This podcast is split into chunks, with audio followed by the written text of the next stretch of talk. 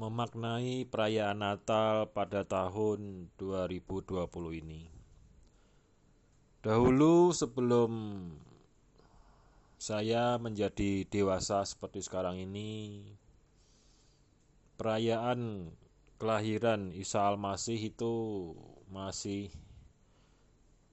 uh, tergantung oleh waktu dan oleh ruang tertentu juga oleh suatu tradisi-tradisi tertentu. Namun setelah semakin dewasa dan mempelajari perayaan Natal pada saat ini sebenarnya adalah perayaan yang dibuat oleh manusia, yang dibuat-buat oleh manusia. Manusia sebagai makhluk sosial ingin suatu acara yang bisa merayakan untuk bersosialisasi bersama, untuk saling bertegur sapa, untuk menyampaikan ucapan-ucapan yang baik. Tidaklah salah bila manusia sebagai makhluk sosial ingin membuat suatu acara bersama, itu tidak salah sebenarnya. Namun sebagai seseorang pribadi ke kekristenan yang lebih dewasa, kita perlu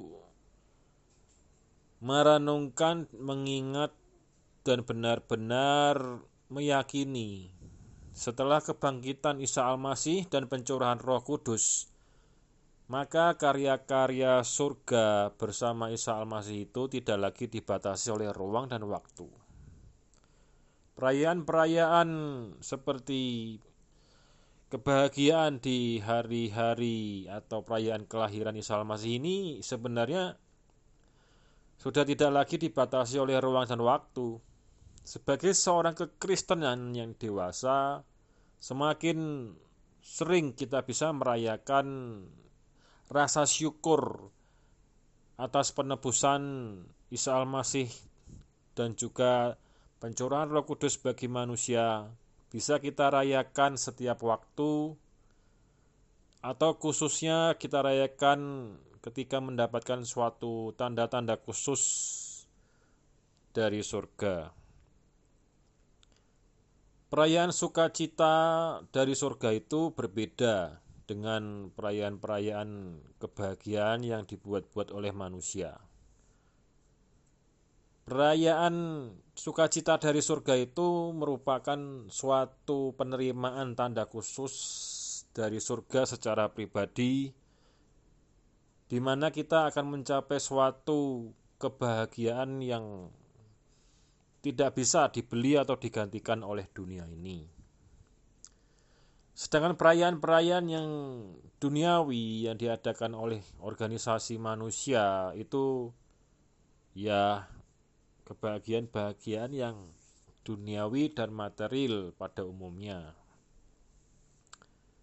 Tentu manusia hidup butuh materi, material, butuh biaya, butuh makan, dan butuh fasilitas. Pada momentum perayaan ini tentu kita akan berusaha memberi sesuai dengan kemampuan masing-masing. Memberi bagi kita adalah suatu kebahagiaan. Menerima juga suatu kebahagiaan di mana dengan penerimaan itu kita akan juga menjadi saluran berkat bagi yang lain. Tentu manusia pada saat ini pun kita memiliki keterbatasan. Saya pribadi hanya bisa memberi pada orang-orang yang dekat dan orang-orang yang khususnya diberi tanda oleh Tuhan. Adapun orang-orang yang diberi tanda oleh Tuhan itu ada yang jauh non jauh sana di Jawa Timur, di kota Jember. Itu belum sempat saya memberikan sesuatu. Namun ya rencananya akan saya kirimkan sesuatu sebagai tanda kasih dan sebagai tanda perhatian.